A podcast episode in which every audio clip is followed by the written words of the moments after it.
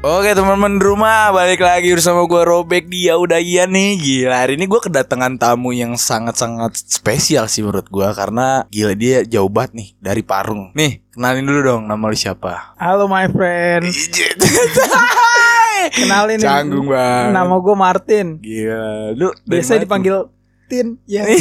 Is, Lu kelihatannya sibuk banget nih akhir-akhir ini ting Gila sombong banget sumpah Ya gue mah gini-gini aja dok. Gimana tuh Mencari kesibukan bukannya Is, sibuk. Gila, gila. Ini gua ngomong-ngomong pas banget nih lu datang ke sini. Gua baik banget gimana ya? Gua ada pik kayak pembahasan gitu deh di siaran gua nih ting. Hmm, Gua mau bahas tentang ekonomi nih. boleh boleh boleh. Ekonomi, ekonomi yang saat ini ya, yang karena kita kan lagi kena dampak dari si ini nih. COVID-19. Covid, iya, iya. Ah. Gila nih, orang udah searching mana-mana nih kayak nih. nah, di sini juga, gua kan nggak gitu tahu, gua nggak gitu paham kenapa karena ada covid, si ekonomi ini kena dampaknya gitu. Hmm. Jadi turun Hmm. banget. Ya, gue juga bingung karena gimana ya? Kan selama covid nih pasti ada kayak dana-dana yang turun nih Hmm, buat orang-orang yang nganggur. Terus yang ya rata-rata sih kena PHK semua sih rata-rata ya. hmm. Nah, Dirumahkan, dirumahkan. Iya kayak gitu, kayak gitu. Nah kalau dari pandangan lu nih, Hmm. gue mau nanya dari pandangan lu aja nih. Maksudnya jangan sampai lu keikut sama orang lain ya. Boleh sih keikut ada pandangan orang lain yang lu ambil boleh. Hmm. Cuman gue mau lihat pandangan pribadi lu aja nih. Menurut lu ekonomi kita sekarang tuh kayak gimana? Oke, asik. Kalau menurut gue sih gini dok. Gimana tuh? Eh, apalagi semenjak COVID ya. Heeh. Kan COVID tuh masuk ke Indonesia ya 2020 lah. 2000 Maret deh kalau nggak Iya, ya, Maret. Maret. Benar-benar. Nah itu sebenarnya kalau gua ngeliat sih dari sudut pandang gua dari awal-awal bulan Maret itu ekonomi masih bisa lah masih stabil Ha. karena gue juga percaya lah Indonesia nih negara punya simpanan ya Iya, kan? benar-benar. simpanan kita ya Banyak orang lah, banyak lah. punya simpenan ya Iya. nah tapi seiring berjalannya waktu nih lama kelamaan Heeh. kan jatuhnya waktu COVID udah setahun lah ya sekarang Iya, udah iya, benar. udah April. Hampir mau ngelebihin kayak dah. Iya, benar, lebih. lebih. Nah itu gue rasa sim- simpanan negara juga udah mulai habis dan udah banyak dah nih yang kena dampaknya. Ah. Salah satunya ya mulai itu yang tadi lu bilang pengurangan karyawan, Iya, kayak gitu-gitu tuh. dirumahkan lah. Tapi sebutnya. gini loh, gue ada yang janggal menurut gue. Kalaupun kita krisis lagi krisis gini kan, Hmm, hmm, sebenarnya kan kita masih ada ekspor impor. hmm. Kayak ya banyak deh yang kita ekspor Hmm. keluar dan Hmm. pokoknya ekspor impor. Tapi Kan jangan- masa eh, dana dari situ nggak bisa ngemban atau ngebantu eh, keuangan negara kita sih. Hmm. Tapi jangan salah lu dok. Ah. Soalnya waktu awal-awal covid tuh yang kita sempat dirumahkan tuh berapa bulan gitu ya kan? Ah. Itu segala macam bentuk transaksi ya ekspor impor segala macam itu di stop tuh karena kan covid ya jadi Iya, iya. lu pengen masuk negara orang negara Oh, jadi kayak Indonesia, di itu stop dulu buat sementara tuh. untuk sementara Karena kita lagi kena Covid gitu. karena covid jadi itu sempet tuh eh, beberapa berapa bulan gitu ya Ah, ah. transaksi antar negara misalkan Indonesia sama Iya. Singapura sama sama Australia segala macam itu kena dampaknya tuh jadi ya udah mereka mengandalkan apa namanya sumber daya Sumber yang daya ada yang di ada. negaranya Mm. jadi ya gitu jadi kata gue sih parah sih emang nih covid gokil sih Tapi ada yang lebih parah kayak sebenarnya dari si Covid nih. apaan tuh dok Orang-orang yang ngatur perekonomiannya juga lo harus perhatiin nge. Gue kemarin sempat ngebahas tentang so- soal hukum ya di Hmm. siaran gue sebelum meeting ya. Hmm, iya iya Dan gue sempat collab apa nanya orang juga nih orang yang lumayan ngerti hukum dan dia bilang ya ada mainan juga lah sama orang-orang yang ada di atas nih saya ngatur perekonomian kita. Hmm, makanya eh apa kenapa gimana ya banyak kayak negara kita tuh susah buat ner- apa ngulurin tangan deh ke orang-orang yang bener-bener kelasnya di bawah banget. Hmm, itu kan harus jadi jadi pertanyaan gue dong nih padahal kita lagi kena dampak covid nih. Hmm, hmm, negara punya sumber daya yang mumpuni lah hmm, menurut gua wah masih ada deh masih cukup deh. Hmm. tapi kenapa masyarakat kelas bawah tuh jarang yang gue temuin dapet kayak bantuan? Bantuan ya? Ya pokoknya kayak gitu deh bantuan dan segala macemnya. Soalnya kalau menurut gue sih dok menurut pandangan gue kayak gini. Hmm, covid nih kan gak pandang bulu ya ibaratnya. Iya. lu mau kaya mau miskin lu mau anak iya. jenderal segala macam rata semua lu. Iya. covid ya covid Ah, nah makanya kata gue tinggi petinggi di negeri inilah ah, ah. di negara ini ibaratnya yang berkuasa gitu yang berwenang khususnya megang keuangan gitu ya. Ah, yang punya duit-duit banyak pasti mereka lebih mengandalkan ah gue selamat duluan nih. Makanya duit gue rasa nih bukannya gue ngejelekin pemerintahan. Iya, tapi selalu, selalu, selalu. Kalau menurut gue sih mereka ya lebih mentingin diri sendiri sih. Ketika dana yang turun nih dari pemerintahan, misalkan kayak eh, buat covid aja tuh, kalau gua nggak salah ya, kalau Hmm. gua nggak salah dengar tuh ada sekitar eh, 6 triliun lebih lah. Nah, iya, itu, dana juga mau gue bahas tuh. pemerintah. 6 triliun lebih. Nah itu tapi maksud lu kenapa nggak bisa sampai Iya, ke kita kenapa ya kan? nggak eh, direalisasikan direalisasikan nih? Hmm. Cuman Hmm. nggak semua nggak semuanya terpenuhi gitu. Hmm. Nah itu soalnya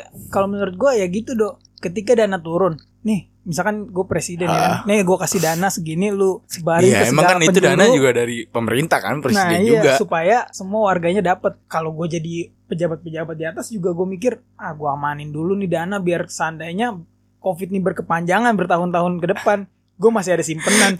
tapi tapi tapi gini loh.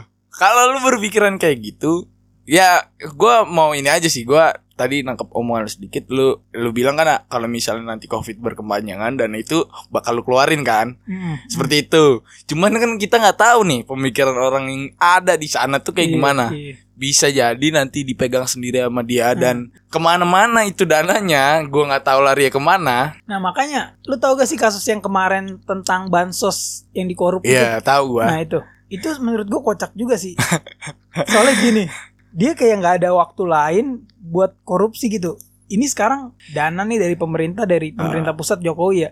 Dia udah nurunin, ini dana segini buat bansos ke segala lapisan masyarakat, Ah. tolong disebarkan. Dia malah dikorupsi sendiri. Karena menurut gua gini, Tin. Maaf nih, sorry nih gue potong. Hmm. Menurut gua gini, karena yang sekarang nih, karena kita lagi kena dampak si Covid, pemerintah ngeluarin duitnya jor-joran dong. Iya bener bener dong. Dan nominalnya itu pasti gede banget. bener. Nah, dia pasti kayak ngilik-ngilik sedikit lah. Iya. Berapa, Makanya berapa, kan, berapa. Begitu ke gap, wah kata gue, aduh salah langkah juga dia tuh. Iya, kayak gitu. Ketika lu pengen ngelakuin korupsi, seenggaknya lu tahu situasi. Benar. Jangan saat semua orang lagi mensorot covid, lu malah korupsi di covid. Itu, mungkin tolol pemikiran dia sih, karena ya balik lagi ke tadi, pemerintah ngeluarin uang tuh buset dengan nominal yang gede banget cuy. Iya. Dan itu dia jor-joran banget. Dan akhirnya yang merasakan dampaknya tuh ya Iya kita iya, nih. masyarakat, kelas bawah kayak kelas kita-kita bawah nih. gini. Nah terus yang lebih parahnya lagi nih dok, Apa yang tuh? gua nggak habis pikir juga sih gara-gara ekonomi juga nih, Ah, kasus pembunuhan tuh, pencurian. pencurian, kayak gitu itu banyak juga sih, kacau banyak. juga tuh. Ya karena orang juga udah pasti mikir ya. Sekarang dia udah nggak bisa nggak ya bisa kan? ngapa- ngapa-ngapain. Iya. nggak bisa duit juga udah ngepas banget nih. Mm-mm. Ya udah, semua cara dihalalin. Dan Iya. ya menurut gua kalaupun nanti kalaupun suatu saat nanti pemerintah nyalin "Se- kan saya udah kasih dana gini-gini dan kenapa kalian harus ngelakuin hal seperti itu ya masyarakat bisa ngejawab itu karena udah nggak ada perekonomian kita juga lagi hancur. Bisnis semua mandel. Iya, bener. Iya. Kebutuhan juga sekarang kan Semakin meningkat. Iya. Iya. Sedangkan kita lagi kena dampak Covid nih. Iya. Dan yang gue denger juga ya da- dari beberapa orang ada beberapa lapangan kerja yang dibuka dan itu memeludak banget nge. Iya. Oh itu sempat viral juga Ah, tuh. itu Di jadi kayak rebutan nge. Ya, Iya. Bener, bener dong. Bener. Nah, gue bingung nih kenapa eh, seharusnya kan ya seenggaknya perusahaan tuh bisa lah menghandle yang kayak ya udah nggak usah sampai semuanya lu PHK-in. Iya, Seenggaknya iya. masih ada atau enggak lu siap-siapan aja nih. Cuman gua gua nggak bisa nyalain perusahaan juga ya. Itu Hmm. tergantung dari masyarakat juga Hmm. karena kebutuhan. Karena gini dok, kita nggak bisa nyalain perusahaan karena ini dia Hah. buat biaya ininya ya, buat ngebiayain semuanya nih Iya. peralatan segala macam. Benar-benar benar. Dia harus ngebiayain perusahaannya supaya tetap hidup. Sedangkan dia nggak ada kemasukan dari luar karena covid. Ah. Jadi mau nggak mau ya jalan satu-satunya supaya perusahaan dia tetap ada nih, tetap bertahan. Yang nge-PHK-in itu nih karyawan-karyawan. Iya sih, tapi juga ada beberapa perusahaan yang ya udah lu dua hari masuk dua libur Hmm, kayak gitu hmm, sih di jadwalnya kayak diubah lagi deh. Hmm. Ya Biar nggak terlalu makan biaya. bener bener karena kan pasti itu gue set deh Hmm. butuh biaya yang gede belum lagi perusahaan mikir gaji mereka ya. Cuman ya balik lagi ke merekanya sih Iya. karena kebutuhan yang sekarang tuh jauh lebih gede Iya. menurut gua ya. paling kalau kayak gue sih berharap apa ya saat sekarang kan jatuhnya kan kita udah setahun lah bisa Ah, ah, melewati masa-masa sulit ini ah. masa-masa covid ini paling harapan gue ya apa ya semoga eh, kayak perekonomian udah bisa membaik lagi terus Iya bener bener. bener. udah mulai banyak nih perusahaan-perusahaan yang mulai bangkit lagi dari Hmm. mati suri lah kita Iya, sebutnya ya. yang udah mulai buka-buka lagi deh. Iya, karena Ya kalau terus-terusan nih? Iya, terus-terusan dibiarin gini ya. Gila. Kalau kitanya nggak bisa ngelawan juga tingkat wah, pengangguran makin banyak. gede banget sih. Bener. Orang di rumah nih nggak ada kerjaan nganggur, ujung-ujungnya kriminal pasti. Udah gitu sekarang eh, ketika kita buat usaha nih, Hmm. saingan kita tuh banyak banget. Hmm. Malah jauh lebih banyak daripada tahun kemarin. Sebelum covid, Iya. bener. bener. Karena gimana yang gue lihat ya banyak orang dirumahin nih. Akhirnya dia berpikiran sebelum ke kriminalitas itu, dia Iya. berpikiran buat bangun usaha nih. iya, Akhirnya saingan tuh. iya. ada bener. usaha yang sama dan ada yang beda nih, cuman membludak. Jadi Iya. banyak banget nih Iya, orang bener, usaha. bener, bener. Sa- sampai ngebuat orang yang udah lama bangun usaha nih, Hmm. itu kayak wah gila nih. Saingan gue makin Iya banyak. nih. bener dia kayak muter otak dua kali gimana caranya buat ngehandle si pesaing-pesaing ini gila Iya. sih itu wah gila gue nggak habis pikir aja sih kayak sampai apa karena kita kena dampak covid terus orang-orang jadi wah parah sih banyak yang puyeng gue aja puyeng Emang gokil nih penyakit nih gokil. Dan walaupun ya menurut gue meskipun udah ada vaksin nih, hmm. tapi kan ini perlu proses ya buat supaya kita semua bisa Bener, divaksinasi. ini balik lagi ke ekonomi kita nih. Iya, Karena semua butuh biaya cuy. Nah. buat ngasilin si vaksin Nah. itu. bener. Di daerah rumah gua aja nih dok, Hmm. itu kalau lu pengen divaksin, lu harus datang dulu kan ke ini ke apa? Iya, benar. Kayak Ya, ke puskesmas gitu. Nah, Lu harus ke gitu. puskesmas. Lu buat jalan ke puskesmas saya butuh duit. butuh duit. Nah itu satu. Bener. Ketika lu sampai puskesmas, puskesmas harus sediain hand sanitizer. Bener. Butuh, Butuh duit. duit. Itu semua balik lagi ke ekonomi nge. Orang yang pengen vaksin, dokternya yang nyuntikin kita, kalau nggak digaji nggak mau kerja, berarti bakal. butuh duit. Sebenarnya emang butuh banget duit nih. Maksudnya untuk Gila. perekon- sekarang gara-gara kendala covid ini ya Heeh.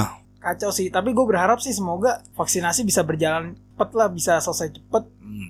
Karena kemarin ya berapa bu- eh, bulan inilah, eh enggak deh, bulan lalu. Tapi gue sorry nih gue potong nih. Gue lagi berpikiran kenapa kan ini vaksin eh, vaksin ini program dari si pemerintah nih. Hmm. Kenapa nggak dibikin gratis gitu? Kenapa kita juga harus bayar? Sedangkan ekonomi orang aja ini ada masyarakat aja lagi buah. Gila. Gue bisa lihat itu sih. Enggak sih dok, sebenarnya kalau lu bilang vaksin bayar itu enggak dok, karena vaksin tuh sebenarnya gratis. Iya, benar. Cuman ada beberapa kalangan yang meminta vaksin dibayar. Supaya- Itu, itu. Jadi nggak nggak free gitu aja. Mereka minta bayar sebenarnya alasannya masuk akal juga sih kalau menurut gua. Alasannya mereka bilang gini, kalau yang gua tangkep ya, Hmm. kita kan mampu nih, kita bisa bayar lah vaksin meskipun berapa harganya. Heeh. Karena ada gak jaminannya ketika vaksin gratis dia bakal bisa nambahin imun di dalam tubuh gua. Makanya mereka daripada daripada gue vaksin gratis terus ujung-ujungnya Hmm. gue tetap kena covid, Bener-bener. Mendingan gua bayar yang ketahuan vaksinnya ya kan. Iya. Nah makanya sebenarnya vaksin yang gratis ini apa ya? Bagus juga. Tapi ya meskipun udah divaksin ya lu harus tahu diri lah tetap pakai masker gitu. Iya, eh, ya sesuai protokol deh, harus Iya, matiin iya. protokol. Ini buat lu yang di rumah nih, yang keluar-keluar nggak pakai masker. Tetap pakai masker, Sadis juga lu. bawa hand sanitizer. Iya, kalau perlu wah Cuci semua tangan deh. lu cuci tangan. Lu pakai ini tuh apa ya? Gua- jas hujan yang dipakai pihak rumah sakit tuh. Kalau ini, perlu, apa iya, lu pakai gituan keluar tuh. Kalau dibilang parno atau enggak, gue sebenarnya sempet parno. Tapi lu pernah Covid tuh. pernah berpikir gini nggak? Sebenarnya tuh covid kayak konspirasi gitu nih. Sebenarnya gue Kan gua mikirnya gini loh. Sebelum ada pembuktian ya kayak orang beneran meninggal karena covid. Itu Hmm. sebelumnya ya. Sebelum itu pas masuk covid kan dari omongan nih. Tapi orang udah kayak, "Wih, anjing nih covid nih gini-gini gini." Semua Hmm. perusahaan udah mulai wanti-wanti deh. chaos mulai chaos. Iya, itu gua berpikiran, wih, ini kayak konspirasi tapi gua nggak punya bukti kalau ini konspirasi. gitu ya? Iya, kayak gitu. Hmm. Gue sempet ada pikiran kayak gitu, tapi kenyataannya ya berbanding terbalik karena gua udah lihat buktinya itu. Hmm, Iya bener dong. Gue awalnya emang pertama ada covid ini gue sempat mikir juga tuh, aduh konspirasi ini gak bener. Iya kan? Tapi seiring berjalannya waktu ya, gue kayak sadar namanya juga penyakit ya, virus. Pasti emang beneran ada. Ah, bener kan? Tapi untuk masalah dibesar-besarkan nih, menurut gue itu yang Itu Nggak i- bener. itu itu yang kayak kalau gimana ya? konspirasi Jadi ngubah konspirasi. mindset masyarakat gitu. Nah, kalau dibilang konspirasi sebenarnya nggak konspirasi tapi total apa ya orang yang positif dari dampak covid ini nggak sebanyak yang diberitakan lah Hmm, gitu. hmm, bener. Yang dibilang sampai puluhan ribu ternyata berbanding terbalik deh sama Nah. kenyataannya. Itu Itu bener. itu Bro. jadi buat gua "Wih, ini gimana nggak mau berkepanjangan kalau Hmm. beritanya terus-terusan kayak gini sedangkan Jangan kenyataannya pun Lu nggak naik- segitu. angka kecelakaan naik motor aja nih setiap hari bisa mungkin kalau di total nih setiap hari diberitain diberitain. Orang nggak ada yang mau naik motor takut. Bener. Tapi kan nggak diberitain ya Nah, dan orang nggak ya dibesar-besarkan udah. iya tuh. bener. Nggak macam kayak si covid ini. Ah. Gila gila gila. Gila jadi wah gila sih ini semua. Ja- nyambung sih sebenarnya si covid sama ekonomi kita sekarang tuh. iya emang perekonomian tuh paling berdampak dah gara-gara Hmm. adanya covid ini. Hmm. tingkat pengangguran tingkat pembunuhan. Orang nganggur pasti nggak ada kerjaan merampok Iya kriminal sih ujung-ujungnya. tapi Orang ya dari yang gue baca aja nih dok. Ya gue kan suka searching searching gitu ya kan. Di bulan Maret yang lalu aja tuh tingkat kriminalitas nih khususnya buat pembunuhan perampokan segala macam itu Ah. di Jawa Barat ya oh itu udah lebih dari 600 kasus terus yang paling gede tuh kasus pembunuhan ini yang di dia kenalan nih lewat Ah. Facebook lewat Facebook kenalan jalan nggak Hmm. taunya dibunuh terus diambil semua perhiasannya Buh, gila Itu- sih. Oh, jadi kayak perampokan gitu ya? Udah Perampokan, tapi- direncanain gitu. tapi direncanain Hmm. dan saat ditanya alasannya kenapa ya karena Kebutuhan gitu. kebutuhan saya pengen makan gak ada uang segala macam Oh, gila, Jadi dia kayak juga masuk, ya. dia kayak masuk ke grup Facebook, Hah? modelnya kayak grup grup grup umum lah kayak radio balap nih misalkan. Heeh, Dia masuk ke radio balap, kenalan di situ dia sama cewek nih, ajak jalan, Heeh. makan segala macem. Pas sudah malam pengen dianterin pulang dibunuh. Oh, dia udah ngerencanain itu. Iya. Wus, gila rencananya udah mateng banget Iya. berarti ya. Karena dia mikir, ah gampang nih gue nih ngambil harta orang. Itu dia sempat berapa kali tuh dok kasusnya tuh. Dia Oh, jadi udah sempet sering kali apa tiga- berulang dua- kali dua kali ngulangin kayaknya. hal sama seperti itu tuh. Iya, kasus pembunuhan yang pertama tuh mayatnya dibuang di ini stasiun Cilebut tuh. Wah, gila. Di stasiun Cilebut. Nah terus yang kedua di daerah Pondok Rajek ya sih dia. Wah, Situ. anjir. Gokil emang kata gue. Pas ditanya kan diinterogasi sama polisi alasannya covid, ekonomi. Lagi-lagi balik lagi ke ekonomi. Iya sih, benar. Emang gokil sih ini Wah parah. kacau sih Ya itu doang sih yang gue pengen tanya dari lu nih pendapat lu Ternyata ya kita sama gitu Iya. sepemikiran Nih sebelum gue tutup nih Lu ada pesen-pesen gak nih buat pemerintah Atau buat temen-temen di rumah deh Berat nih. Paling apa ya pesan-pesan gue nih ya Eh, buat penutupan kali ini asik. Asik asik asik Kayak gini ya. Asik Ketika lu masih bisa berjuang, lu masih bisa bertahan hidup, lakuin aja apa pun Hmm. lu lakuin dah. Lu mau jadi jualan ini kayak lu mau dagang Tapi ini, lu jangan sampai ke Asalkan kriminal-kriminal jangan ya kriminal. Tetap Iya. di jalannya lah. Tuh lu dengerin tuh yang di rumah tuh Yoi, tetap di jalannya. Gila Lakuin aja selagi lu masih bisa hidup, lakuin aja. Ah, Jangan sampai lu kalah nih sama nih Covid. Jadi lu yang tertindas. Ya lah kita aja dijajah bertahun-tahun Belanda bisa bebas ya. Gila Ya kali sama Masa main ini yuk kita langsung Ya lemes Makanya Iya paling sih. inti gue itu sih Hmm. selagi lu masih bisa bertahan hidup, masih bisa ngelakuin yang menghasilkan cuan, Hmm, lakuin aja udah sih Iya. itu. Gila sih Supaya tetap hidup ya dari Covid ini. Udah gitu buat lu semua nih karena kondisi kita lagi kayak gini kan ya gua harap sih lu keluar dari rumah pakai masker Eh, mandi dah tuh lu yang bersih Iya. jadi keluar enak Iya. nget Buset. pulang juga mandi. iya ganti baju lu salin lu cuci tuh baju lu Hmm. jadi lu memutuskan rantai penyebaran covid sah Cocok lu kerja di puskesmas. gitu ya. Pokoknya gitu aja siaran gua hari ini. Thank you banget nih Martin. Oh iya dia juga punya siaran nih. Namanya teman sebangku. Jangan lupa lu dengerin juga nih. Wih, lu dengerin dong itu. ya karena nih Mas gue collab sesama penyiar aja nih.